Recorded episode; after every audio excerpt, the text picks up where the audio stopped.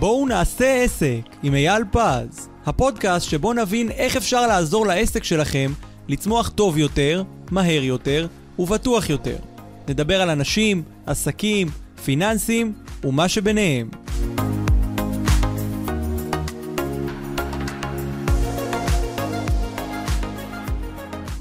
שלום לכם וברוכים לפודקאסט, בואו נעשה עסק עם אייל פז, היי אייל. אהלן אור. אה, תראה איזה כיף אנחנו ככה אתה יודע מדי פרק מדברים הרבה זמן לא הייתי פה כי דיברת עם אנשים נורא נורא מעניינים אם לא, לא שמעתם את הפרקים רוצו לשמוע אה, אבל אתם יודעים שבפודקאסט הזה אנחנו מדברים על איך אפשר לעזור לעסקים לצמוח ולהיות טובים יותר ולגדול אה, עסקים פיננסים אנשים כל הדברים החשובים האלה והיום אנחנו הולכים לדבר על נושא שכמובן מעניין אותי כמובן מעניין את כל מי ששומע אותנו איך הופכים עסק קטן. שאנחנו גם נגדיר מה זה עסק קטן, בוא גם נגיד את זה, כי אני חושב שחשוב לומר את זה, איך הופכים עסק קטן לחברה גדולה, לארגון, עם uh, הרבה מאוד עובדים והרבה מאוד נכסים והרבה מאוד uh, עבודה ולקוחות. Uh, זו השאיפה אני חושב של כל מי שיש לו עסק קטן ויש לא מעט כאלה. אז קודם כל בוא נתחיל מלהגיד מה זה עסק קטן, בוא נעשה את ההגדרות, מה זה עסק קטן, מה זה חברה גדולה, מה בעיניך ההבדלים בין שני הדברים האלה? אז קודם כל יש את ההבדלים ש, שהמשק אומר מה נחשב עסק קטן או עסק בינוני, בגדול עסק עד 20 עובדים נחשב כעסק קטן. הרבה אנשים שמקשיבים עכשיו לפודקאסט הזה שהם עובדים לבד או עובדים עם שניים שלושה עובדים, אומרים מה זה 20 עובדים נראה לי חברה ענקית. אז בגדול מה שאנחנו אומרים שבסופו של דבר כשאתה עובד עם כמה אנשים בודדים, לא משנה עכשיו אם זה חמישה, עשרה ואפילו עשרים אנשים, מבחינתי זה עדיין עסק קטן. כי בסוף גם שיש לך אה, כמה עשרות עובדים אה, בודדים, כן, לא מאות עובדים, בסוף רוב הפעילות באופן מפתיע או לא מפתיע אה, יושב על אה, בעל העסק. למרות שיש אנשים שעושים חלק מהפעולות אבל מכיוון שיש כל כך הרבה פעולות וכל כך אה, צורך להתמודד עם תהליכים גם מבחינת העולם של השיווק והפיננסים והניהול וכוח אדם ועוד עולם תוכן שלם בסוף רוב הפעולות עושה בעל העסק. ולכן הוא נשאר עסק קטן אז אני רוצה בעצם, ואז אני כבר לא מדבר על אנשים שהם אה, רוצים להקים עסק, שעוד אין עסק, אנשים שהם יזמים ועומדים להקים עסק או הקימו עסק והם אה, one man show, one woman show, והרבה מהאנשים שמקשיבים לפודקאסט הזה יש להם חלום להקים עסק, הרבה מהאנשים שמקשיבים לפודקאסט הזה או רואים אותנו, הם אומרים בואנה אני יש לי כבר עסק שלוש שנים, חמש שנים, אבל בסוף אני, אני, אני עושה את זה בעצמי, יש לי עסק קטן, אני לא מצליח לפרוץ, למרות שיש לי עסק גדול, אבל העסק עצמו הוא קטן. אז אני רוצה אולי בעצם להתחיל במשפט של אה, יאקי ודמני שאומר אה, שהחברות של one man show זה חיסרון. למה זה חיסרון? כי אם משהו קרה ל-one man אז הלך השואו. ובעיניי זה, זה משפט ענק כי בסופו של דבר עסק כמו שאני תמיד טוען זה כשאנחנו רואים את מה שאנחנו עובדים זה לא באמת עסק זה עיסוק. איך אני מבדיל בין עיסוק לבין עסק וזה לא משחק מילים בעברית משהו שאני כבר uh, מעל 25 שנה uh, uh, חותר ומדבר עליו. עיסוק זה גם אם יש לך עשרות עובדים אבל אם אתה לא יכול לטוס עכשיו ל, לא יודע מה למדינה זרה לטוס לירח בלי תקשורת עם, ה, עם העסק שלך והעסק לא ימשיך לפעול באותה צורה או שהוא בכלל יכול לקרוס אז לא באמת יש לנו עסק. זה נקרא עיסוק אתה מאוד אוהב לעשות, מאוד יכול להיות שאפילו אותו עיסוק הוא רווחי, אתה נהנה ממה שאתה עושה, אבל בסוף זה לא עסק. עסק זה משהו שיודע להתקיים בזכות עצמו. כן, זה לא אומר שאנחנו נעלמים לנצח ולא נחזור לשם, או אנחנו לא עובדים כמה שעות ביום או בשבוע, אבל העסק יודע לעבוד גם אם אנחנו לא נמצאים שם בפול טיים ג'וב. ואני מדמה את זה לכמו דירה שאתה אה, לקח, קנית אותה להשקעה, ואתה משכיר אותה למישהו, ואתה מקבל 12 צ'קים, ובגדול אתה לא צריך להיות שם כל הזמן. כך שבסופו של דבר עסק זה משהו שאתה יודע אה, להתפרנס ממנו, לקבל ממנו כסף, גם אם אתה לא כל הזמן שם. במודל של הדירה, אז לא יודע, פעם ב- יש איזושהי תקלה, לא יודע מה, איזה בעיה באינסטלציה או איזושהי בעיה כלשהי, אז או שאתה בעצמך מסדר, או שאתה לוקח מישהו שיסדר, אבל זה לא אומר שאתה צריך להיות כל יום בדירה, נכון? אם נבין את, ה- את הלוגיקה הזאת, נבין בעצם שעסק זה משהו שיודע להתקיים uh, בזכות עצמו. מעולה, אבל אתה יודע, אנחנו בסוף אה, רוצים אה, ככה לחזור לנושא הפרק, מעסק קטן לחברה גדולה, אז אמרנו, איך זה קורה באמת, הגדרה, כן. לא, אבל מבחינתך הגדרה של הדבר הזה היא קודם כל לנתק את בעל העסק מהפעילות השוטפת של העסק, שהעסק יוכל להמשיך גם לתפעל את עצמו, גם לשווק את עצמו, גם למכור את עצמו, שאני חושב שאלה אולי שני הדברים היותר חמקמקים אה, אה, בעניין הזה עבור בעל העסק, כי בדרך כלל בעל העסק גם אם הוא לא אה, איש המכירות המוביל, והוא, והוא לפעמים כן איש המכירות המוביל, הוא אפילו היחיד ברוב המקרים, הוא גם זה שעוזר לעסקאות לקרות ולצמוח ולדברים לקרות, ולפעמים אין מנוע מתוך העסק שיודע לעשות את זה בעצמו. אבל בכל מקרה, איך אנחנו מתחילים את הדבר הזה? איך מתחילים לנתק את הבן אדם, את בעל העסק, את בעלת העסק, מהעסק עצמו? קודם כל, זו שאלה מדהימה, כי בסוף אנחנו צריכים להבין מה זה עסק. ואחרי שהבנו עסק שדימינו אותו כמו אה, דירה שאתה משכיר וכולי, על אותו משקל, כמובן שזה לא דירה, כי זה בסוף עסק זה משהו אורגני, משהו שאתה חי בו, יש הרבה דברים שמשתנים תוך כדי תנועה. קודם כל צריך להבין מהו עסק. עסק בעצם, הרי רוב האנשים הקימו את העסק, היה להם חלום. אחד היה לו חלום להיות עורך דין, אחד היה לו חלום להיות נגר, אחת הייתה לה חלום אה, לעשות, אה, לא יודע מה, חברה, עסק לאיפור, וכל אחד עם החלום שלו, אחד רוצה להיות יוצר, אומן, צייר וכולי. והחוכמה היא להבין שיש פער אדיר בין מה שאתה אוהב לעשות לבין להיות בעל עסק. גם אם עבדת כשכיר במקום עבודה ועשית בתחום המקצועי שלך, ואז אמרת רגע, למה שאני לא אעשה מזה עסק? ו- והנה בדיוק השבוע אני פוגש אה, שני יזמים uh, uh, שעובדים כבר 15 שנה בחברה, והם עכשיו אומרים רגע, למה שלא נעשה את זה בעצמנו? את כל מה שאנחנו עושים עבור החברה בוא נעשה בעצמנו. אלא מה? שרק לעשות בעצמך את מה שעשית היום קודם, בתור בעל עסק זה לא מספיק. כי בתור בעל עסק הייתה לך מעטפת שלמה, בתור אה, שכיר הייתה לך מעטפת שלמה שבעל העסק נתן לך. וכשאתה הופך להיות בעל העסק, מסתבר שאתה עושה הרבה מאוד דברים. ולכן השלב הראשון הוא להבין שכדי להיות עסק, לא יכול להיות שתתעסק רק בתחום המקצועי. זה אולי התובנה הכי חשובה. הרבה בעלי עסקים שאני פוגש, או בעלי עיסוקים כמו שאני אוהב אה, לקרוא לזה, הם, הם מאוד אוהבים את מה שהם עושים, והם פתאום מגלים שיש דברים איומים מבחינתם לעשות. להתעסק בחשבונות, לשלוח אפילו את הקבלות והחשבוניות ל, לרואה חשבון שלהם, להתעסק בגיוס כוח אדם, להתעסק בכספים עם הבנק, לקחת הלוואה, לראות עוד הרבה מאוד דברים שבשוטף הם לא רצו, הם רצו בסך הכל לעבוד בצד המקצועי. ולכן קודם כל התובנה שכשבא כבעל עסק מסתבר שלא תוכל לעשות הכל בעצמך. ולא משנה אם בסוף אתה תעשה את הצד המקצועי ותיקח כוח אדם אינאוז או חיצוני אה, שיעשה את הפעילויות הנוספות מישהו צריך לעשות את כל הפעולות. אז השלב הראשוני הוא להגדיר מהו העסק. והעסק נגיד אם אנחנו אה, אה, אה, אה, אוהבים לעשות פעולה מסוימת העסק הוא לא רק הפעולה הוא עוד פעולות בתוך העסק. אז קודם כל צריך לצייר את העץ של העסק. נניח שניקח חברה גדולה, נסתכל על כל חברה גדולה במשק הישראלי או בעולם. נכון שיש מנכ"ל, נכון שיש מנהל כספים, מנהל שיווק, אה, אחראי על הלוגיסטיקה, אחראי תפעול, מנהל מחסן, כל, כל מיני בעלי הנהלת חשבונות בתוך העסק. זאת אומרת יש הרבה מאוד בעלי תפקידים, מנהל כספים. הבעלי תפקידים האלה כשאני אומר בוא נבנה עץ של, של איך, נראית, איך נראה העסק או איך נראית החברה, הרבה פעמים אומרים אבל איזה חברה? זה רק אני פה, איזה חברה?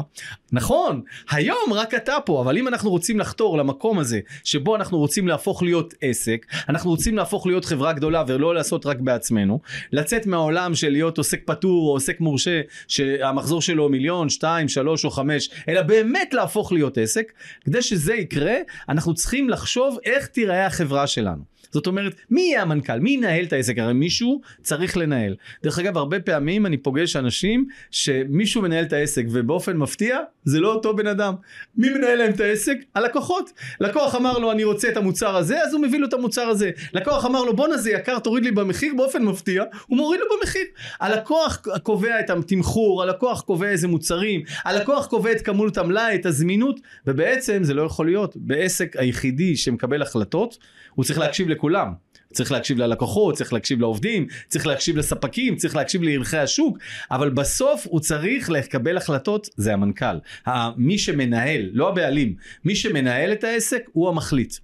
ועל הרקע הזה קודם כל צריך להחליט ב- לבנות את העץ שאיך נראה העסק מי המנכ"ל מי אחראי על הכספים מי אחראי על השיווק מי אחראי על המכירות וכולי וגם אם בשלב הראשון אדם אחד זה הבעלים או אם אנחנו שוכרים מישהו שיעשה לפחות חלק מהפעולות אנחנו צריכים באותו רגע שנגיד אם אנחנו עשינו את זה להחליף כובע.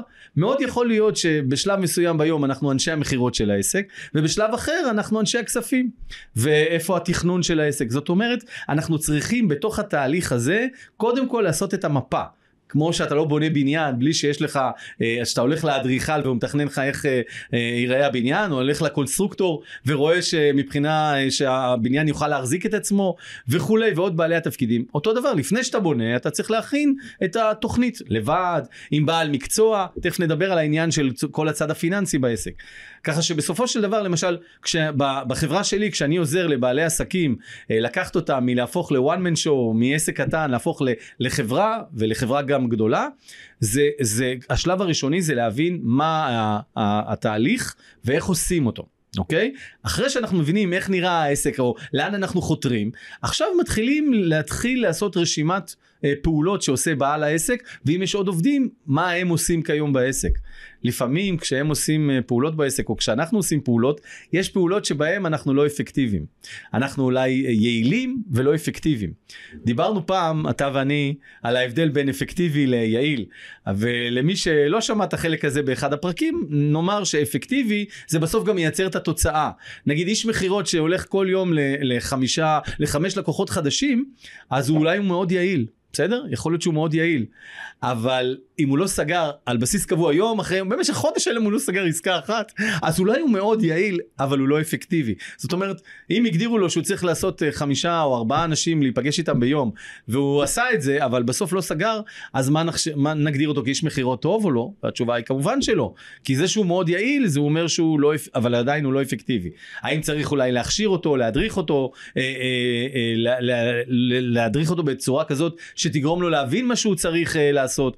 אבל המיקוד שלנו הוא לא רק ביעילות, הוא בעיקר באפקטיביות, ולכן אנחנו צריכים לעשות את רשימת הפעולות שאנחנו או אנשים נוספים עושים בעסק. מעולה, וחוץ מהפעולות האלה, אני חושב שעוד דבר שחשוב uh, לשים אליו לב, אולי הדבר הבא החשוב זה העניין הפיננסי. זאת אומרת, אנחנו צריכים אולי לעשות איזושהי הבנה של, אוקיי, העסק עכשיו כעסק קטן, כמו שאמרת, חמישה, עשרה עובדים, אולי שניים, שלושה, זה גם... ואולי גם לבד. ואולי גם לבד. הוא איך, איך הוא עובד כרגע, איך, זאת אומרת, איך הוא מצליח להרוויח, אני משער שמי שחושב את זה חושב כי הוא מבין שהעסק שלו כרגע עובד בצורה טובה והוא רוצה להגדיל, הוא רוצה יותר ממה שיש לו כבר, לפחות. אז, אה, אז השאלה זה איך הוא מבין את העניין הפיננסי, איך הוא ניגש לרואה החשבון ומביא את הדוחות, איך הוא אה, מנסה להבין, אוקיי, אני היום מרוויח ככה, אם אני אכניס את זה ואת זה ואת זה, אני אוכל להרוויח אחרת. איך, איך אנחנו מתחילים להבין את העניין הפיננסי של הגדלת האמת שרק על העניין הפיננסי אני חושב שאנחנו יכולים לעשות כמה פרקים. לגמרי. ועשינו אפרופו כמה, כבר כמה פרקים על הצדדים הפיננסיים, אבל אני רוצה דווקא אה, בהקשר הזה של איך להפוך מעסק קטן לחברה גדולה, אה, בואו אני רוצה לדבר על, ה, על הנקודות הפיננסיות. השלב הראשון, אחרי שאנחנו אה, אה, מבינים שזה מה שאנחנו רוצים, אנחנו צריכים לאבחן, לעשות אבחון עסקי של העסק. זאת אומרת, איפה העסק נמצא היום? מבחינת היכולות שלו, מבחינת המלאי, מבחינת הידע, מבחינת כוח אדם, מבחינת כמות הכסף, אוקיי? מה היתרונות של העסק, מה הבידול שלו, עוד מעט ניגע בזה וכולי. ומצד שני, מה האתגרים שעומדים בפני העסק? האתגרים, יש לי מתחרים שהם משקיעים המון בפרסום. יש, אה, יש אה, כוח אדם שהוא לא מספיק אה, למה שאני צריך, אין מספיק אשראי. וכולי וכולי, אז, אז מה האתגרים שעומדים בפני העסק? הדבר השני, אחרי שהבנו איפה אנחנו נמצאים ומה האתגרים שלנו, זה לאן אנחנו חותרים. אני רוצה להיות תוך שנה, תוך שלוש שנים, תוך חמש שנים, מה? המוביל של השוק, בשלישייה הראשונה בשוק, זה שיתעסק באזור גיאוגרפי מסוים, אה, אה, להיות יבואן של משהו, להיות, י, י, י, לייצר משהו, להיות יצואן, זאת אומרת, מה, מה אני רוצה, להיות המכללה המובילה וכולי וכולי, זאת אומרת לאן אני חותר, אוקיי, רוצים לחתור, אני רוצה לגדול. זה, זה סיסמה, זה כותרת. מה, במה? אתה רוצה לגדול ב, ב, ב, בכמה אחוזים? היום אתה עושה מחזור X, אתה רוצה פי... בעוד חמש שנים, בעוד שלוש שנים, בעוד שנה, כמה Xים יותר, אוקיי? אז השלב הראשון זה להבין איפה אנחנו נמצאים ולאן אנחנו רוצים להגיע. ואז מגיע השלב שבו אנחנו בונים את הגשר בין איפה שאנחנו נמצאים היום, זה מה שאני עושה עם הלקוחות שלי, בונה את הגשר בין איפה שאנחנו נמצאים היום לאן שרוצים להגיע. דרך אגב, לא הגשר הכי קצר, אלא הגשר הכי בטוח. קצר זה דרך אגב הדרך הפתוחה להיכשל בסוף. דרך בטוחה ולבנות גשר באופן בטוח, אנחנו בונים גשר יציב שיישאר לדורות. זה המטרה שלנו בהקמה של עסק. עכשיו, לעניין הצד הפיננסי, שהוא בעיניי התשתית של כל עסק, הרבה פעמים אני שומע מאנשים שיש להם אלרגיה לפיננסים. אני אלוף בתחום שלי, אני טוב בזה, עזוב אותי מפיננסים שהרואה חשבון, בשביל מה אני משלם לרואה חשבון? שהוא יעשה. ואני חושב שאולי הדוגמה הטובה ביותר להבין מה המשמעות של רואה חשבון, היא, אני אביא את זה בשתי דוגמאות. אולי קודם כל מסיפור מהשבוע. פונה אליי בעל חברה למזון, שעוסקת בתחום המזון, ואומר לי, תשמע, הרואה חשבון אומר לי שהעסק שלי רווחי, ובשנת 22 אני אה, מיליון שש מאות הרווח, אוקיי? אני רק חייב להגיד לך שאני כבר חצי שנה לא מושך משכורת, וחזרו לי גם צ'קים. אז אני לא מבין, איך הרואה חשבון אומר לי שהעסק שלי רווחי, ויש לי מיליון שש מאות רווח, ומצד שני אני כבר חצי שנה לא מושך משכורת, וכבר גם חזרו לי צ'קים. כאילו איך זה מתכנס, איך זה מתחבר. והוא אפילו לא מבין איך זה קורה. וגם השותף שלו אפרופו. לא מבין איך זה יכול להיות.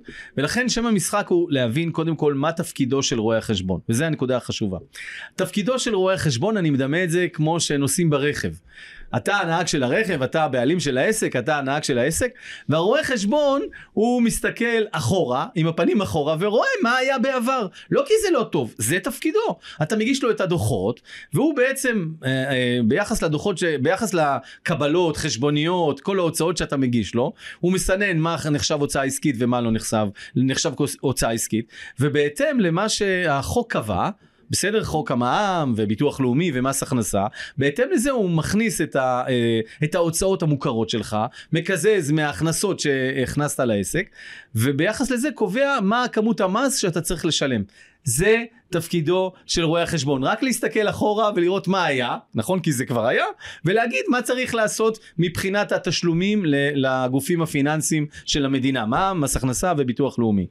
אין לו תפקיד להגיד איך צריך, זה לא תפקיד של רואה חשבון. הרבה פעמים אנשים אומרים, אבל זה הרואה חשבון, זה התפקיד שלו. לא, אז זה לא התפקיד שלו. בשביל זה יש יועץ עסקי פיננסי. אצלי בחברה, אני בעצם יושב ליד הנהג ומסתכל ביחד איתו, מפלס לו את הדרך קדימה, מה צריך לעשות. למשל, הצדדים הפיננסיים. הנה, ניקח דוגמא את אותו בעל חברת מזון שיש לו רווח של מיליון שש מאות, רווח, לא רווח גולמי אפילו, רווח תפעולי, רווח רווח. ומצד שני, מה שהרבה פעמים אנשים לא מבינים, רואה חשבון מגיש לנו דוח רווח והפסד. והפסד, נכון? או יש כאלה שיגידו דוח הפסד והפסד, אבל בכל אופן דוח רווח והפסד. דוח רווח והפסד אני לא יודעת כמה אנשים אה, אי פעם אה, פגשו את הדוח הזה, ואלה שפגשו כמה קראו, ואלה שקראו כמה הבינו, אבל כבעלי עסקים, אבל בסופו של דבר אנחנו כבעלי עסקים חייבים להבין לפחות את השורה התחתונה. ובשביל זה, או שיושבים עם עורך חשבון כדי להבין, או שלוקחים מיועץ אה, עסקי, יועץ פיננסי שבדיוק נוגע בנקודה הזאת. למה?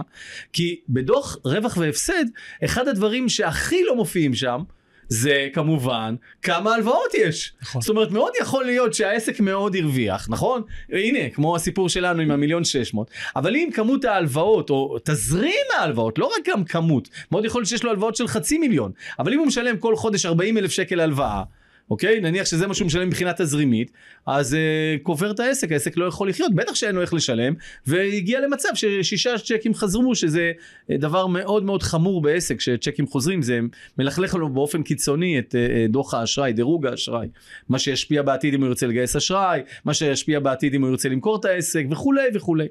ולכן אנחנו צריכים להבין שאנחנו צריכים לדעת מה כתוב בדוח רווח והפסד, מהו דוח רווח והפסד, וכמובן הרבה יותר מזה להכיל עוד תחומים נוספים שלא מופיעים שם. שהרבה פעמים שאני אומר לאנשים, רגע, אבל יש לנו גם הלוואות שלא לקחנו בחשבון, בוא נכניס אותם לתוך הסיפור. אתה, כמובן, אתה לא מכניס את זה לתוך דוח רווח והפסד, אבל מבחינה תזרימית, שזה, דרך אגב, בדרך כלל 99 עסקים נכשלים בתזרים.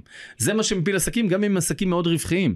יכול להיות שהעסק מאוד רווחי, על פר מוצר או פר שירות הוא מרוויח ים של כסף, אבל הפער בין הזמן שהוא מספק את השירות והיה צריך לקנות uh, סחורה והיה צריך, uh, אפרופו דיברנו את זה גם uh, uh, באיזושהי דוגמה אישית שלך, uh, הפער בין מצאי שאתה קונה סחורה ואתה עושה את השירות לבין הזמן שתקבל את הכסף שוטף פלוס 30, 60, 90, ווטאבר, הפער הזה יכול להפיל את, ה, את, העסקה או יכול להפיל את החברה וכולי. ולכן על הקטע הזה אנחנו חייבים לנהל את התהליך ולהבין מבחינה פיננסית מה המצב הפיננסי של העסק היום. מצד שני, אם אני רוצה לפתח את החברה, אני אצטרך עוד כסף, עוד אשראי. יכול להיות שזה כסף שיש לי אותו בכיס, אוקיי? בחשבון של החברה או בחשבון של העסק, ויכול להיות שזה כסף, ש... ובדרך כלל זה יהיה כסף שאני אצטרך לגייס אותו. לא משנה אם זה מבנק, מגוף אה, חוץ בנקאי, ממשקיע, ממשפחה, לא משנה מה, אבל בסוף אה, כמה כסף נצטרך לגייס. אם נניח יש אה, אה, פעילות שאנחנו רוצים להרחיב את פעילות השיווק של החברה, עוד מעט נגיע לפעילות השיווק, אז זה עולה כסף, נכון? עם אה, מרק צוקרברג אה, ו- ודומיו שהם בעלים של חברות שעוסקות בבעלים אה, של פייסבוק ואינסטגרם וכולי, הוא לא עושה בהתנדבות, הוא רוצה שאם אנחנו נפרסם דרכו, הוא רוצה כסף. סרגי ברין שהוא הבעלים של גוגל, אז הוא רוצה כסף בעד זה שנפרסם אצלו. זאת אומרת זה די הגיוני שאנחנו צריכים גם אשראי, צריכים כסף בשביל לקדם את החברה. ולכן מה צריך לעשות? צריך או לשבת עם הרואה חשבון ולהבין את המצב הפיננסי של החברה. אני תמיד אומר אחת לרבעון ולכל הפחות אחת לחציון ואני שומע על אנשים שאני האמת לא פגשתי את הרואה חשבון שלי כבר כמה שנים לא יכול להיות עכשיו אם לא פגשת את הרואה חשבון שלך כמה שנים יש פה שתי תקלות. אחד יש הרבה דברים שבטוח הוא יכול להגיד על ההוצאות העסקיות שקשורות ספציפית אליך כי כל עסק הוא שונה שיכול להיות שאתה יכול להכניס אותם. לא לייצר הוצאות אבל אם כבר הוצאת אז בוא נראה אולי אפשר להשתמש בזה כהוצאה מוכרת שמשהו שהוא קשור ספציפית לעסק שלך. ודבר שני כשאתה יושב עם הרואה חשבון הוא גם מבין את העסק שלך. הוא יכול אולי אפילו לחבר אותך לעוד עסקים שהם יכולים להביא לך אה, הוא יכול להביא לך אפילו לקוחות סתם בתור זה שהוא מכיר כי הוא עצמו עובד עם עוד כמה מאות uh, אנשים.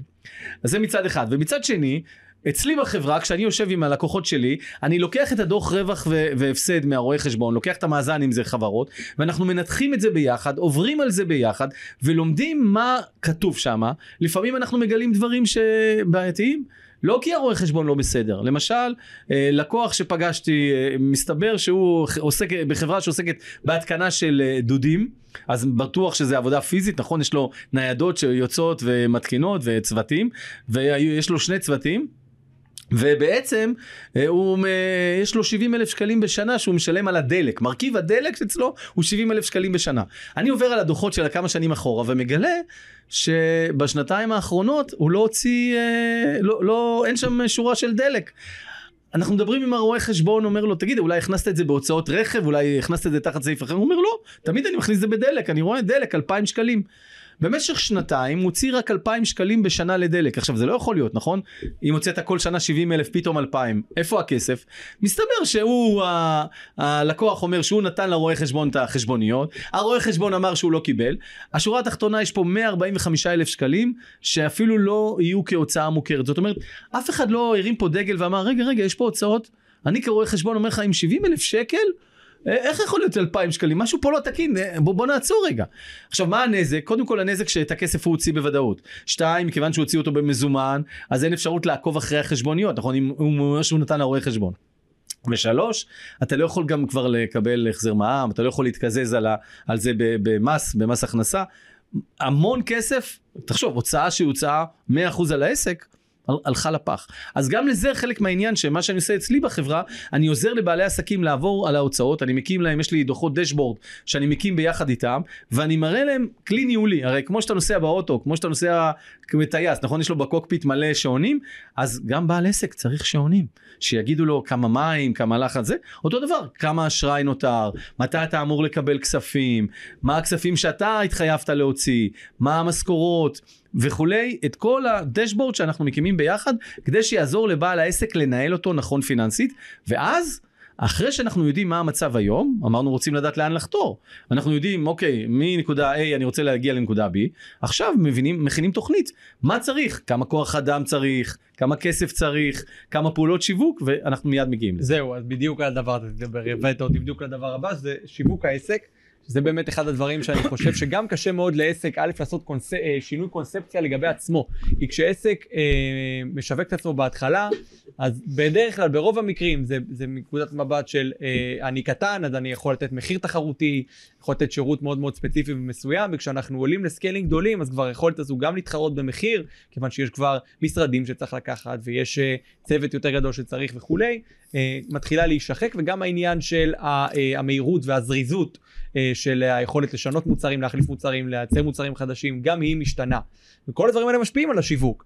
אז איך אנחנו באמת משנים את הקונספציה שלנו משיווק של עסק קטן, שככה קטן וזריז מה שנקרא, ובאמת הופכים את זה לחברה גדולה עם דברים יותר, עם די מחירון יותר מסודר, עם מחשבה שיווקית, עם אסטרטגיה שיווקית, זה משהו שרוב העסקים לא עושים. איך אנחנו משנים את זה? אז אני חושב שנתחיל מהסיפה, מהאסטרטגיה. קודם כל צריך לקבל החלטה מהי האסטרטגיה של העסק. רוב העסקים, האסטרטגיה יושבת על הכתפיים של בעל העסק, בתוך הראש שלו. אבל שאר העובדים כנראה לא יודעים מה האסטרטגיה שלו. שאר בעלי הספקים של ה- שזה, הם לא, הם לא יודעים מה, מה האסטרטגיה שלו. אז קודם כל צריך לקבע את האסטרטגיה, וזה משהו שאו צריך לדון בה יחד עם, ה, עם היועץ העסקי, זה משהו שצריך אה, אה, להתחבט איתה, ובסוף קבל החלטה, וזה משהו שכל האנשים בתוך העסק והצמודים לעסק צריכים לדעת מהי האסטרטגיה. למה זה חשוב? כי בסופו של דבר, אם האסטרטגיה שלנו היא להתרחב, לא חשוב שעובדים ידעו שזה האסטרטגיה שלנו ודרך זה למשל אני אוכל גם לשמר עובדים אפרופו כוח אדם אני, למשל אה, בחברה שהיא אה, עסק פיזי שיש לה אה, היום חנות אחת והיא רוצה להתרחב לעוד חנויות אחד הכלים לשמר את העובדים זה להגיד לעובדים תשמע העובדים הטובים אתם תהיו המנהלים של הסניפים החדשים שאני עומד לפתוח. זאת אומרת עובד כבר מעכשיו אפילו שהוא רק עובד בחנות כבר מבין שאם הוא יעבוד טוב יש לו אופק לאן להתקדם. אז הקטע שאם לקבל עוד כמה שקלים למשכורת לשעה או לא כבר יהיה פחות רלוונטי אם הוא יודע שיש לו מקום שהוא יכול להתקדם בתוך הארגון עצמו. אוקיי? הנה דוגמה קטנה לאסטרטגיה. אז השלב הראשון זה זה קביעת האסטרטגיה. להבין תוך כדי האסטרטגיה מה הבידול של העסק. הרבה פעמים אנחנו עושים משהו מאוד אינטואיטיבי. אינטואיטיבי זה משהו נפלא כן? אבל אינטואיציה זה חשוב וצריך להקשיב לבטן ואני אפילו גידלתי אחת נהדרת אבל בסופו של דבר שם המשחק זה לקבל החלטות על בסיס עובדות זה לא אומר שאם העובדה אומרת לי לא אז אני אעשה לא כי יכול להיות שלמרות שזה העובדות אני יכול להמר על זה בסדר גם אה, אה, בעולם של אה, ביטוח גם בעולם של אה, זה אה, מקבלים החלטות. אה, לפעמים למרות שהעובדות אומרות לא לעשות לפעמים אתה אומר אוקיי הבנתי אני יכול לגדר את הסיכון ואני מוכן לעשות את זה אוקיי? ולכן חלק מהעניין זה להבין מה האסטרטגיה ומה הבידול. בידול של one man show זה לא בידול של עסק גדול. אתה לא יכול להיות עסק שרק אתה ואת אותו סוג שירות לנסות לדמות שיהיו 100 עובדים לתת נכון? כי גם אם תנסה שכולם אני קורא לזה כולם ישרקו את השריקה שלך עדיין בסוף איך אומרים לי הרבה פעמים בעלי עסקים הם לא עושים את זה כמוני הם, הם הלקוחות רוצים אותי. אמר לי בעל אה, עסק שבתחום הווטרינר וטרינר כן יש לו עסק גדול של שהוא וטרינר כמובן הוא גם רוצה להיות גדול יותר נכון? הוא אומר כן אבל הם לא עושים כמוני הם, הלקוחות רוצים למה זה כי הלקוחות רוצים רק אותי. ואז יש פה חסם אם אנחנו מבינים שהחסם החסם זה שהלקוחות רוצים את רק את בעל העסק אז לא נוכל לגדול. ואז מה עושים? ולכן שם המשחק הוא להבין מהי האסטרטגיה ובהתאם לזה להתחיל לאמן, להתחיל להכשיר, להתחיל להוביל את העובדים הקיימים או עובדים נוספים או ספקים נוספים, גם זה לפעמים יכול להיות, שכולם ישרקו את אותה שריקה, כולם ידברו את אותה שפה. ואז דרך זה להתחיל לגזור את האסטרטגיה השיווקית. כי שיווק היא נגזרת של אסטרטגיה ולא הפוך. אתה לא אומר טוב בוא נשווק ולפי זה נחליט מה האסטרטגיה. אתה לא יוצא עם הספינה שלך לים ואומר טוב בוא נתחיל לשוט בוא נראה לאן הרוח תיקח אותי ואז טוב, טוב שהגעתי לשם. לא זה לא עובד ככה למרות שאולי לקולומבוס אולי זה עבד קצת אבל כן. האחרון נראה לי כן, זה עבד אבל כן. מאז עברו 500 שנים כן. וזה כבר אה, לא, לא רלוונטי כן? 1492 עברו אה, כמה שנים מאז זה פחות מעניין אותנו ואנחנו רוצים uh, להבין שאם אנחנו לוקחים את הספינה שלנו את המטוס שלנו אנחנו מראש יודעים לאן אנחנו רוצים uh, להטיס לאן אנחנו רוצים לשוט. ואז אחרי שאנחנו יודעים לאן אנחנו מתח... מתחילים לגזור ב reverse ב reverse engineering כמה כסף אני צריך להשקיע ובאיזה גורם. האם השיווק צריך להיות שילוט על המקום עצמו? האם הגורם זה צריך להיות שילוט חוצות? האם זה יכול להיות uh, שימוש במדיה? למשל אולי כדאי לי לעשות פודקאסט גם אני ממליץ. רעיון לא רע, רעיון אתה יודע, נהדר כן. כן אני ממליץ לעשות פודקאסט. כן. אני גם מכיר מקום נהדר לגמרי, לגמרי, אתה אז- מוזמן אליו. כן אז אה, זה אחלה אחלה כלי לשווק. למשל מי שעושה פודקאסט אחד היתרונות המרכזיים למה לעשות פודקאסט? כי אם מישהו מקשיב לפודקאסט הזה נכון?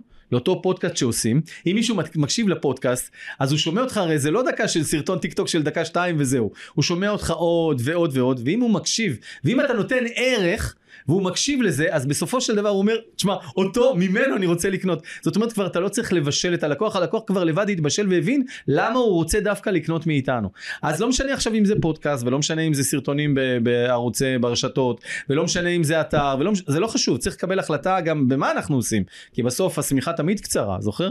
גם לחברות ענק שיש להם אה, שהן משקיעות מיליארדים בשיווק עדיין גם אצלהם השמיכה קצרה והם צריכים לקבל החלטה אז גם הנגזרת של האסטרטגיה היא בתהליך השיווק זה בצד הדיגיטלי האם אני צריך להקים לעצמי ערוץ ערוץ יוטיוב ערוץ אה, אה, ברשתות אחרות, איך אני משווק אותם, אורגני, ממומן, מה הפלטפורמה שמתאימה דווקא לעסק שלנו, יש בידול אם זה עסק שהוא שירותים, עסק שהוא אה, מוצרים, עסק שהוא אה, מתעסק ויש לו אה, מיקוד מסוים והוא יכול לייצר את הבידול הזה ולהציג את הבידול הזה ואת היתרונות של הבידול דרך הכלים של המדיה, זה קלף מאוד חשוב, ובסוף בעיניי שיווק, אני קורא לו רשת.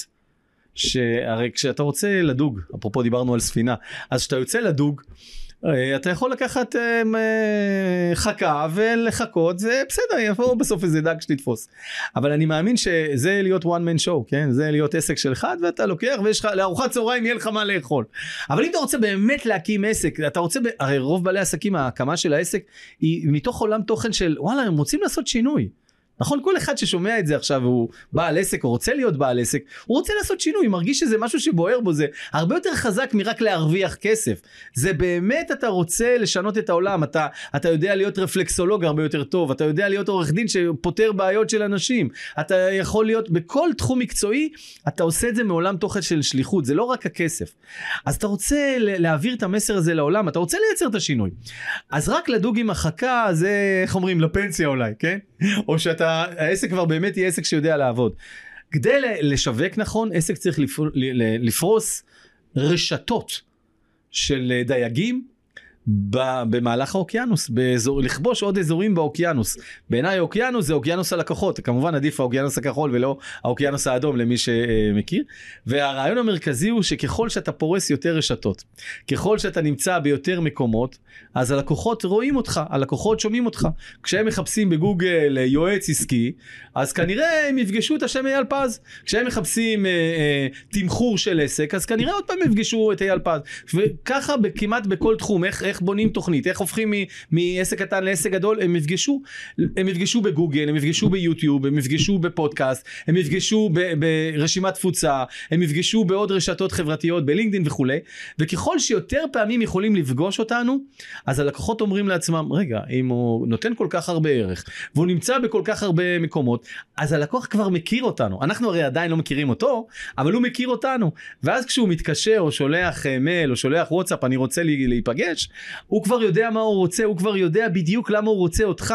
החלק של ה- היתרון של שיווק בעיניי, זה שאם אתה עושה שיווק נכון, אתה כמעט לא צריך למכור. הלקוח רוצה רק לסלוק. נכון, לגמרי. ככל שאתה עושה עבודת שיווק נכונה, והלקוח מבין למה באמת לקנות מאיתנו, כי בעצם אנחנו פותרים לו את הבעיה שהוא צריך. אנחנו לא מוכרים מוצר, אנחנו לא מוכרים שירות, אנחנו מוכרים פתרון לצורך של הלקוח. אנחנו נמצאים שם בדיוק כשהוא צריך אותנו, זה גם המטרה, שכמו שאתה אומר, של התוכן שאנחנו מייצרים היום ברשת, המטרה זה שהוא מחפש, והוא יחפש את זה סביר להניח בפייסבוק, אה, בגוגל סליחה, ביוטיוב אולי, בפייסבוק, אז אנחנו כבר נהיה שם, ולפעמים אנחנו נהיה שם עם הפתרון. שהוא רק חשב על הבעיה בראש, אפילו לא הספיק לחפש, יש לא מעט אנשים שכאילו, אה, כש, כש, כשפניתי אליהם דרך שיווק ממומן, לצורך העניין, שאני גם עושה לפעמים, אז גם אני עושה את זה אה, לפעמים אה, מבוסס ערך, וכשאני פונה אליהם אז הם אומרים, אתה יודע, חשבתי בראש על פודקאסט, ראיתי את המודעה שלך, וזה התחבר, ופתאום כאילו לא יודע איך, איך קרה, ו, ופנית אז בדיוק בזמן וכאלה, ו... זאת אומרת, זה, זה המקום של שיווק, אולי אפילו לעורר את הצורך עוד לפני שיש צורך אפילו. נכון, והנקודה הזאת של לעורר את הצורך עוד לפני שאתה מעורר את הצורך, הרי בסוף הרבה פעמים אנשים, כשאתה מנסה נגיד למכור משהו, יגידו אבל אין לי כסף, נכון? זה התשובה האוטומטית. עכשיו אין באמת, אין, אין כסף. מה שכן יש, זה שהלקוח בעצם, מה הוא אומר לעצמו? הוא לא אומר את זה לך, אבל הוא אומר את זה לעצמו. תשמע, יש לי עוד מיליון משימות, לפני המשימה הזאת, שלהם אני צריך כסף, ולכן לזה לא נותר לי כסף. התפקיד שלנו כבעלי עסקים זה להציף את הערך. מה זאת אומרת? אני רוצה להביא את זה דוגמה ממודל השמלה האדומה.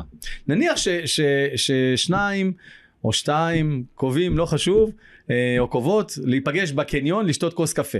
אוקיי, קבעו בשעה מסוימת, ובדרך כלל בתי קפה, חלקם נמצאים בתוך הקניון, לא רק בקצה של הקניון, ואותה אחת שעוברת להיפגש עם החברה שלה לשתות כוס קפה, בדרך היא רואה חלונות ראווה. פתאום יש איזה חלון ראווה עם איזה שמלה מדהימה, יפהפייה, אדומה כזאת, היא טק נעצרת בחריקת בלמים, מסתכלת על שמלה, מתעניינת, אומרת וואי, נורא מעניין, בוא ניכנס רגע. ויכול להיות שבסוף היא מודדת אותה, בסוף יכול להיות שהיא קונה אותה, קונה אחרת, יכול להיות שהיא גם לא קונה. אבל בעצם מה עשה חלון ראווה? הרי מלכתחילה הם בכלל קבעו לשתות כוס קפה. מה קשור עכשיו בגדים? וזה תפקידו של חלון הראווה. בעצם לעלות לתודעה. לא משנה אם בסוף הלקוחה קנתה באותו מעמד, לא קנתה באותו מעמד, עדיין, א', אם היא תרצה אי פעם לקנות, אז היא יודעת שיש שם מקום שמעניין. שתיים, היא מחר תלך לעבודה. היא תיפגש עם חברות, תיפגש בעבודה, תיפגש עם משפחה. אם מישהי תגיד לה, תגידי, איפה אפשר לקנות איזה שמלה? משהו ממש יפה, אני רוצה לאיזה אירוע. מה, מה לדעתנו היא תגיד? את מה שעומד לה הכי קרוב בזיכרון. ולכן התפקיד שלנו לפרוס עד כמה שיותר את הרשתות של הדייגים בתוך האוקיינוס. ככל שהלקוח יותר מכיר אותנו, הוא מתיידד איתנו יותר. בסוף אנשים קונים ממי שהם מכירים. הרי בעצם מהו סל, להיות סלב? מה זה סלב? הרי בעצם למה אנשים אה, אה, כל כך אוהבים לראות סלב? למה אנשים אה, מסקרן אותם מה עשה הסלב? יש אה, מדורי רכילות, יש אה, אה, סרטים, בת, סרטונים או כתבות בטלוויזיה על סלב בארץ, בעולם. למה זה כזה מעניין? בסך הכל הוא אותו בן אדם, אוכל אוכל, שותה שותה, עושה עושה, כאילו, מה, מה הקטע של סלב? והרעיון של סלב זה שזה מישהו שפשוט קדחו לנו בראש בלי סוף ראינו אותו בלי סוף, ואז הוא הפך להיות מוכר. והרבה פעמים סלבים מופתעים שמישהו בא אליהם ברחוב, ואומר, צלם איתי סלפי, אוקיי? למה הוא מופתע? כי זה שהלקוח, במרכאות, הוא כבר מכיר אותו כי הוא ראה אותו מלא מלא מלא פעמים. אבל הסלב לא ראה אף פעם את הלקוח, נכון? הוא אף פעם לא ראה אותו. והקטע הזה שרק אחד רוצה להצטלם עם השני, מה זה מעיד? זה מעיד שהסלב הוא כבר מיודד. מהצד של הלקוח הוא מיודד איתו. אז התפקיד שלנו כבעלי עסקים, אפרופו שיווק דיגיטלי, זה להיות הסלב. מה זה אומר? שבתחום המקצועי שלנו, ואנחנו צריכים ללכת לנקודה הצרה ביותר האפשרית, ככל שאנחנו בנקודה הצרה ביותר האפשרית נכבוש את שטח הנדלן הכי יקר במוח הלקוח, אוקיי? שזה, ה, ה, ה, שהוא חושב על פתרון מקצועי, הוא חושב על מוצר, הוא יודע שאיפה הוא יוכל לקנות אותו? אצלנו. אם אוטומטית זה מה שהוא יחשוב, אנחנו הצלחנו. וכדי שזה יקרה, אנחנו צריכים לפרוס הרבה מאוד רשתות ולעבוד על זה. עכשיו, זה לא קורה ביום. כל הגיבורים שחושבים, וואלה, לוחץ על כפתור, לוקח חברת שיווק דיגיטלי, לוקח חברה שתעשה לי סרטונים, לוקח אה, חברה שתעשה לי פודקאסטים, ובואנה, איך זה לא קורה? כן, זה לא קורה ביום. אה, אה, יש פתגם ידוע של וורן באפט שאומר שאם בעצם אתה מכניס תשע נשים להיריון, אז זה לא תוך חודש יש לך ילד, נכון? זה לא עובד ככה. עדיין צריך תשעה חודשים, זה לוקח את הזמן שלו. אז גם בעולם של שיווק זה לוקח את הזמן. ולכן, א', כדי לקצר את הזמן, הרבה פעמים אנחנו משתמשים בשיווק ממומן, כדי ישר להיות בראשונים, בסדר? בתוצאות הראשונות. ועדיין אנחנו צריכים למקד את עצמנו מה באמת אנחנו רוצים, כי כדי להפוך להיות סלב, זה אומר להיות מותג. כדי להיות מותג, זה לא קורה ביום, זה תהליך. וכדי להכין את התהליך הזה, אנחנו צריכים לחשוב איזה ערך אנחנו נותנים, למי אנחנו נותנים ובאיזה נקודות אנחנו נפגוש אותו. נקודות יכול להיות אפילו במגזין מקצועי, יש אחד הלקוחות שלי עוסק בתחום הריהוט למוצרי פרימיום וקיבלנו החלטה שאנחנו במקביל לפרסום בעולם הדיגיטלי אנחנו נפרסם במגזינים מקצועיים. המגזינים האלה שרק אנשים בודדים קונים אותם או אנשי מקצוע קונים אותם אבל אם אני רוצה להגיע שלא רק ל-B2C, ל-customer בסוף אלא גם ל-B2B, ל-B2B, אני רוצה גם להגיע למעצבים, אדריכלים וכולי.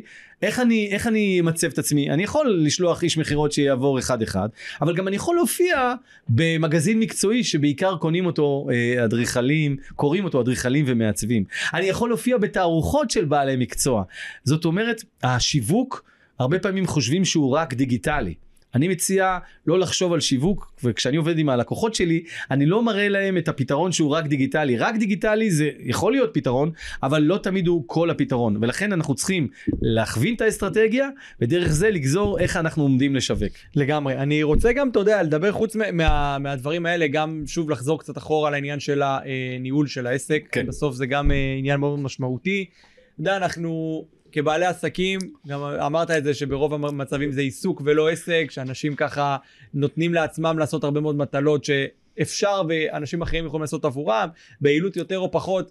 גם על זה דיברנו כבר לדעתי לא מעט פה בעבר, אבל, אבל בכל מקרה, אבל בכל, בכל מקרה העניין הזה שאתה נורא נורא כבעל עסק מאוד מאוד מושקע ועושה הרבה מאוד מהמשימות, זה מה שברוב המקרים עוצר את, ה, את היכולת של העסק לגדול. זה החסם המרכזי של העסק, הרי כן. בסוף, מה עוצר עסקים באמת באמת מלגדול?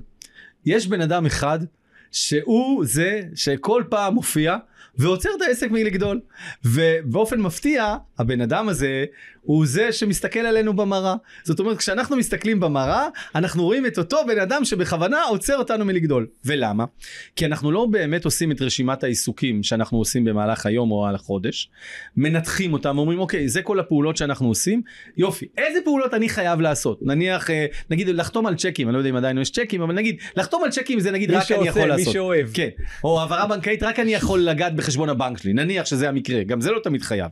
אבל אה, נגיד אה, לענות לטלפונים ללקוחות, אה, נגיד לכתוב מיילים שיווקיים, האם זה חובה שרק אני אעשה? זאת אומרת, אנחנו צריכים לייצר הבחנה בין מי שאנחנו אה, אה, היום לבין זה שאנחנו רוצים להפוך להיות עסק. איך נעשה את זה? אנחנו ממפים. אנחנו רושמים את כל הפעולות שבהם, שאנחנו עושים אותם היום, וככה אפרופו גם לשאר העובדים בעסק, ורואים איזה פעולות, וניקח אפילו אותנו כוואן מן שואו נקרא לזה, שאם מי שמקשיב לזה עכשיו נגיד שהוא וואן מן שואו רוצה להקים עסק, איזה פעולות אנחנו אמורים לעשות, ואיזה פעולות מישהו אחר יכול לעשות, שזה לא must שאנחנו, זה בסדר שאנחנו, אבל זה לא must. ככל שנפנה לעצמנו יותר מקום, ככל שנסמוך על העובדים, על ספקים שלנו, על פרילנסרים, על חברות שיעשו, יש היום חברות, ש... עסקים שנותנים פתרון של אה, ניהול, מיקור, ניהול במיקור חוץ. זאת אומרת מישהי שהיא תענה לך לטלפונים, או מישהו שהוא אה, ישלח מיילים במקומך, או מישהו שהוא יכין את החומר השיווקי במקומך, מישהו שיעשה את הפעילות שלה בפייס ובאינסטגרם וכולי וכולי. זאת אומרת ככל שאנחנו הם מייצרים פעולות שמישהו אחר יכול לעשות ולא אנחנו, אז בעצם סוף סוף אנחנו יכולים לנהל את העסק, סוף סוף אנחנו יכולים להחליט לעבוד על המכונה. אני מכיר uh, בית דפוס מאוד מפורסם, אני בכוונה לא אומר את השם שלו, עסק ענק, ענק, ענק שהתחיל מ-one man show עם מכונה, בסדר? עסק ענק שהבעלים החליט כהחלטה שהוא, החלום שלו, זה להישאר לעבוד על המכונה. סבבה, זה מה שהוא אוהב. סבבה, לא רוצה לנהל, לא רוצה לגייס כוח אדם שאני, זאת אומרת רוצה, אבל לא שאני צריך להתעסק בזה, לא רוצה לשבת עם הרואה חשבון, לא רוצה, עזוב אותי, תן לי להיות פועל על המכונה, זה מה שאני אוהב, זה החלום שלי. סבבה, אז מה הוא עשה? הוא הביא מישהו שינהל את העסק, ואותו מישהו, הוא אחראי לגייס את העובדים, והוא אחראי לכספים, והוא אחראי לכל. זה לא אומר שהוא עדיין לא הבעלים, הבעלים שעובד על המכונה, אבל הוא עושה את מה שהוא אוהב, זאת אומרת, הוא עדיין נשאר אה, דג את הדגים שלו עם החכה, אבל עדיין הוא דואג שיהיה עסק. ולמה זה חשוב? כי בסופו של דבר, שאנחנו מבינים מה נקודות החוזק שלנו, זה לא אומר שאנחנו חייבים לעשות את שאר הפעולות. ויש פעולות שאנחנו יכולים לשחרר אותן ויש שלא. מה הבעיה? אותו בחור שמסתכל עלינו במראה כל פעם שאנחנו מסתכלים במראה. מספר לעצמו סיפור כן. שאף אחד אחר לא יכול לעשות את הפעולות שהוא עושה. העסק הזה קורס. רק אני, כן, רק אני ממש, וזה. ואז מה ה catch? ה catch הוא שקשה לשחרר, קשה מאוד לבעל העסק לשחרר. אולי הוא יעתיק ממני והוא יפתח עסק מתחרה. אולי הוא ידע את רשימת הלקוחות שלי ויעשה. אולי הוא לא יעשה את זה טוב כמוני ולקוחות יעזבו. ואולי, ואולי. ואולי, ואולי. אז יש שיר מאוד יפה שאני מזמין את כולם אחרי הפודקאסט לשמוע, כן, ואולי. כי זכויות יוצרים, כן. אז אסור לנו לשים תוך אז אני לא שם, אני רק לא, אומר ואולי. רק, רק כן. מזמין. כן? אבל למול השיר הזה ואולי לא היו דברים מעולם, כן? זה האמונות המגבילות. אני מציע לשמוע גם את השיר האומנם, כן? אה, לא משנה אם בגרסה של חווה אלברשטיין או בגרסה של אה, סרנגה.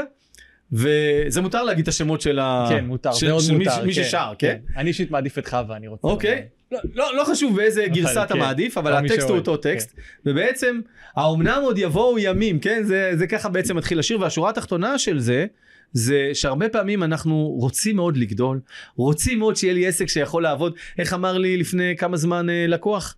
יו, הוא, הוא, יש לו חברה שעוסקת, שבעיקר הפעילות שלה בשעות הבוקר המוקדמות.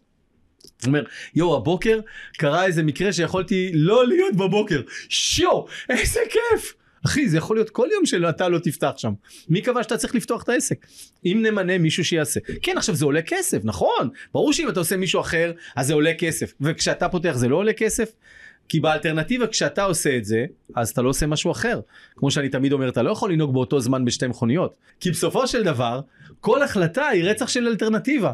כשאתה פונה ימינה, כנראה שאתה לא פונה שמאלה. אין uh, גם וגם. גם וגם זה, זה, זה נפלא לפרסומת. ולכן כדי שזה יקרה, התפקיד שלנו להבין את החשיבות של האמונות שמגבילות אותנו. הרי בסוף זה אנחנו שמגבילים אותנו. הרבה פעמים אנחנו מגבילים את עצמנו. אה, אני, אני לא מסוגל, אני לא, זה אחרים, הם יכולים לעשות, הם טובים, הם מסוגלים. אבל חשוב לדעת מה היתרון, מה, מה היכולות שלך, מה, איפה אתה שם את האנרגיות שלך. אני, אני, אתה יודע, מאוד מאמין בדבר הזה של אנרגיות, שבסוף אתה, אה, אה, כבעל עסק, יש, אה, זאת אומרת, א', בגלל שאתה זה שכרגע לפחות מנהל את הדבר ועושה את זה, אתה, אתה יודע טוב מאוד איפה אתה רוצה להשקיע אנרגיות, איפה אתה יכול, איפה איפה היתרונות שלך. כן. יעמדו לי- ל- לידי ביטוי, כמו הבחור הזה ש, שיודע שהוא על המכונה הכי טוב, כן. והוא הכי נהנה מזה. מעולה, הוא יודע, אני לא, לא רוצה לעשות, אה, אני לא רוצה לנהל חשבונות. אבל הוא לא אני- נשאר עיסוק. הוא החליט להיות עסק. נכון, הוא הבין, הוא עשה את המיפוי הזה, זה ההבדל. בדיוק. אבל הוא עדיין הבין צריך... שכדי להיות עסק הוא צריך לקחת אנשים כן. שיהיו עסק. ועדיין אבל צריך אבל להבין, אנחנו לעצמנו, איפה אנחנו טובים ואיפה אנחנו לא טובים. חד משמעי, זה המיפוי כן. של כל המשימות שאנחנו יכולים לעשות. טובים בזה, אולי אנחנו הכי טובים במה שאנחנו עושים. אה, תכף אני אביא דוגמה עם עוד לקוח, אבל תראה, מה שמגביל אותנו הרבה פעמים זה כל מיני דברים שמספרים לנו מהילדות. אה, נגיד יוסי אלפי, שהוא מספר סיפורים, כן, יוסי אלפי מספר סיפורים, הוא אומר למה הוא נמוך? כי אבא שלו אמר, אה, מגיל קטן היה דופק לו כזה מין על הראש, תהיה בן אדם, תהיה בן אדם, תהיה בן אדם, אז הוא נשאר נמוך. הוא אומר את זה בבדיחותא, אבל זה בעצם הרעיון. אה, אתה יודע, לפני שבארצות הברית יש אנשים ש... אה, רצים היום אלפים, אם לא עשרות אלפים, רצים אה, את המרתונים. ולפני שבן אדם רץ אה, מייל בארבע דקות, אם אני לא טועה קוראים לו רוג'ר, רוג'ר משהו, לפני שהוא רץ ארבע דקות, הראשון שהצליח לרוץ בפחות מארבע דקות מייל, אז אמרו שזה בלתי אפשרי כי הריאות, קיבולת הריאות לא מספיקה להעביר להכניס. העוצמת אה, שרירים והעוצמה של העצמות לא תחזיק. כל מיני סיפורים למה אי אפשר. עד שהוא בא והוא רץ אה, יותר אה, מהר מארבע, אה, פחות מארבע דקות מייל ובשנה אחרי זה היו עוד חמישה אנשים והיום אלפי אם לא עשרות אלפי עושים את זה. קוראים לזה תופעת יוסיין בולט דווקא, בגלל שמאז, לפני שיוסיין בולט הגיע, אני חושב שמונה או שבעה אנשים עברו את העשר שניות, כאילו רצו עשר- 100 מטר בעשר שניות, פחות מעשר שניות, ומאז שיוסיין בולט הגיע, 35 אנשים רצ, רצו. זאת אומרת, יוסיין בולט באיזשהו מקום הראה לאנשים, אוקיי, בגלל הפרסום, בגלל התעודה שהוא קיבל, אפשר לעשות את זה, זה אנושי, זה אפשרי, זה הכל תלוי באימונים, בספורט. ברפואה, כל הדברים האלה. מאוד אהבתי שאמרת שזה תופעת יוסיין בולט. תראה מה זה, ככה קוראים לה. תראה מה זה כוחו של שיווק. כאילו שכחו. את ההוא שלפני 30 כן, שנה. כן. 40 שנה, עשה את זה כראשון, פשוט, אז כן, כנראה, עשה את זה כן. ראשון ועכשיו זה נהיה, כי זה יוסיין בולט הוא. עכשיו המותג, צריך נכון, לשווק את המותג, נכון? הוא ההוא כבר לא, הוא כבר פרש, אבל. בסדר, כן. ויקום יוסף, וימות יוסף, ויקום בדיוק. מלך חדש אשר לא ידע את יוסף, כאילו. כן, הוא פתאום. שכח מה יוסף עשה למען מצרים, כן, זה קלאסי. להבדיל אלף אלפי הבדלות, ולכן התפקיד שלנו להבין שמה אנחנו עושים, מה היכולות שלנו, אבל מה שמגביל אותנו הרבה פעמים זה הסיפורים של הסביבה. הסיפורים שאנחנו סוחבים איתנו מילדות, אה, אתה, אתה לא מסוגל. גם הרבה פעמים קשיים אה, לגיטימיים אפילו, עוצרים אותנו מלפרוץ קדימה. ואנחנו אפילו לא מנסים. עכשיו, יש הרבה דוגמאות לחוסר ניסיון, לחוסר מוכנות לנסות. אנחנו אפילו לא מוכנים לזה צ'אנס. עכשיו, אני לא אומר לתת צ'אנס, אתה יודע מה? בוא, בוא נשקיע עכשיו 100 מיליון שקל בפרסום ב, באחד מהרשתות, ה, אה, באחד מה, אה, מהערוצים המסחריים, ובוא נראה אם זה יצליח. אה, זה בסדר, אה, זה חוכמה קטנה. החוכמה היא להגביל את הסיכון, אבל לנסות. כשאנחנו לא מנסים, אנחנו כל הזמן משאירים את זה נמוך. המודל של הפרושים, אתה יודע איך אתה מאלף פרושים? כולם יודעים איך מאלפים פרושים לשים, האם יכול להיות שאני אשים בכוס פרושים והם לא יעופו מחוץ לכוס? התשובה היא לא, בוודאי שהם יעופו. אבל אם, כי פרוש קופץ בגובה עצום, נכון? אבל אם אני שם אה, פרושים בכוס וסוגר את הכוס הזאת עם מכסה, הפרוש קופץ חוואה, חוטף בומבה בראש. אז הוא חוטף בומבה בראש, הוא קופץ עוד פעם, עוד פעם בומבה בראש. בפעם העשירית הוא אומר, טוב, הפעם אני לא אקפוץ עד לגובה הזה, אני אקפוץ טיפה פחות. ואחרי יומיים שלושה, כל הפרושים כבר מבינים שצריך לקפוץ קצת פחות. אתה יכול לפתוח את המכסה, ובאופן מדהים שום פרוש לא יצא החוצה. איך מאלפים פילים בקרקס? מגיל אפס אתה שם אה, פילון, קושר אותו לאיזה עמוד, אה, לעמוד רציני מבטון, או מעץ אה, אה, חזק כזה, הוא מנסה להשתחרר עם, אה, עם הרצועה שלו וזה, הוא לא מצליח, לא מצליח, לא מצליח, בסוף הוא מבין, יאללה, די, זה אי אפשר. ואז מה שעושים, זה שכבר בקרקס אתה קושר אותו אפילו לאיזה משהו קטן כזה מה הוא, אתה לא מבין איך הוא נשאר קשור לזה והוא לא מעיף את זה כי הוא יכול להעיף בית. איך זה יכול להיות? כי הוא עדיין באמונה המקבילה שבתור ילד הוא לא היה יכול. אז מאז גדלנו ויש לנו יכולות והיום יש טכנולוגיה שמאשרת אפילו לעסקים קטנים לגדול ולהפוך מעסק קטן לעסק גדול מ-one man show להפוך לעסק גדול להפוך לחברה ואני חושב שככל שבן אדם בעיניי להיות עסק ולהיות חברה זה בעצם תוכנית ההתפתחות האישית הכי טובה. ואם אנחנו רוצים להשאיר פה משהו בעולם, לתת ערך לעולם, לעזור, אה, לאפשר לילדים שלנו. הרבה פעמים בעלי עסקים חושבים שהעסק הוא של עצמם, ולא משנה אם אה, יש להם חלום שהילד בסוף ייכנס לעסק או לא ייכנס לעסק, זה פחות חשוב. אבל זה שאנחנו עושים בעסק ומצליחים להתגבר על קשיים שיש לנו, זה חלק ממה שאנחנו מראים לילדים שלנו, את היכולת שזה אפשרי. הרי קשיים יש בכל מיני דברים, קשיים חס ושלום בבריאות, קשיים בפרנסה, קשיים בהתמודדות בשיווק, קשיים בגיוס כוח אדם, הרבה, הרבה עכשיו אומרים לי, אתה יודע איזה קשה לגייס כוח אדם? ואני אומר, כן, רגע, אבל מה עם כוח אדם הקיים? האם אתה משמר אותו, או שאותו אחד, אה, אה, השבוע שוחחתי עם מישהי שמחפשת עבודה. היא אמרה לי, שאלתי אותה למה את מחפשת עבודה? היא אמרה, תשמע, שני השותפים נראה לי שהם עומדים להיפרד וזה, אז אני רוצה לעזוב. עכשיו הם הרי לא יודעים את זה שהם עומדים, שהיא עומדת לעזוב אותם. ומה ה catch פה? ה catch פה שאם הם היו יודעים שהיא עומדת לעזוב, אז זה, זה עוד יפגע להם בעסק, היא העובדת הראשית אצלהם. ולכן התפקיד שלנו כל הזמן לדאוג לרווחת העובדים שלנו. כי ככל שנדאג לרווחת העובדים, אז יהיה לנו טוב. ולכן איך זה חוזר אלינו?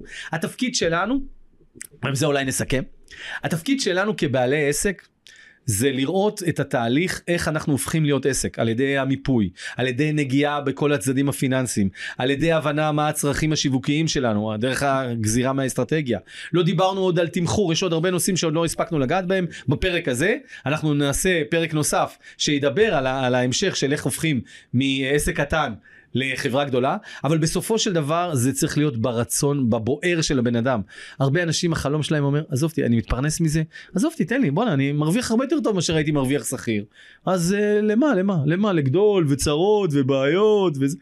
אבל זה לא תמיד רק צרות ובעיות. החוכמה היא להבין שכשאתה עסק, זה החלום, שהעסק יודע לפחות בחלק משעות היום, בחלק מהשבוע, בחלק מהחודש, גם לעבוד בזכות עצמו, כי אם יש מנהלים טובים בעסק, אם אתה נותן כלים טובים לעובדים, אתה יכול לייצר עסק שיכול לייצר לך יותר כספים, יותר הכנסות, ואולי, אחד, או לעבוד לבד על המכונה, ואז יש עסק שעובד, אז אתה גם מרוויח מזה, וגם נהנה מהצד המקצועי שלך, אפרופו הדוגמה, או או ואו זה שבעיקר יש לך את היכולת לקבל החלטה האם אני רוצה לעבוד כמו שאני עבדתי כשהייתי one man show שאני צריך לקום בחמש בבוקר וללכת לישון באחד בלילה ולפעמים גם לא לישון מרוב דאגות ובעיות זה שם המשחק. איך אני הופך להיות עסק? איך אני הופך להיות חברה גדולה? מי שחושב ככה מההתחלה שלו, גם אם העסק כבר קיים כמה שנים, אז באמת הוא יוכל לקדם את העסק שלו. אני, דרך אגב, וכדי שזה יקרה, הרבה פעמים מתוך זה קשה לנו לראות את זה. אתה יודע, אין, ה, אין החבוש מתיר את עצמו מבית האסורים. זאת אומרת, הרבה פעמים צריך עזרה.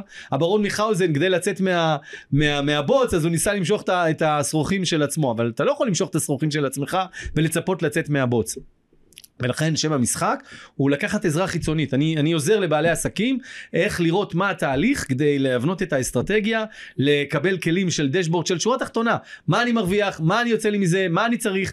לא להיכנס לתוך הדוח רווח והפסד ולנבור כי זה מלא מספרים ויש לבעל עסק עוד מלא משימות. לקבל שורה תחתונה ואז הרי אנחנו לא בודקים את השמן כל רגע נכון באוטו אבל יש לי אה, מדיד שמראה לי יש לי מערכת שמראה אנחנו רואים כמה דלק נותר אני לא כל רגע מכניס מדיד לזה יש מערכת שמראה לי כמה הדשבורד מראה לי אז זה התפקיד. ש, אה, וזה הכלי שעוזר לבעלי עסקים להצליח ולקדם את העסק שלהם. מדהים, אז אני חושב שככה נתנו איזה הסתכלות ככה רחבה מעל במקרו, שבאמת הדברים הכי חשובים, השיווק, המכירות, התפעול ובעיקר ה mindset של בעל העסק, שזה בסוף מה שקובע הכל ומניע את כל הדברים האלה. אייל פז, כרגיל, היה מרתק וכיף, תמיד כיף לשבת איתך בשיחה ועוד יותר שזה בפודקאסט, בכיף. אז uh, תודה רבה לך. בהצלחה. תודה רבה גם לכם, נתראה בפרקים הבאים, יאללה ביי.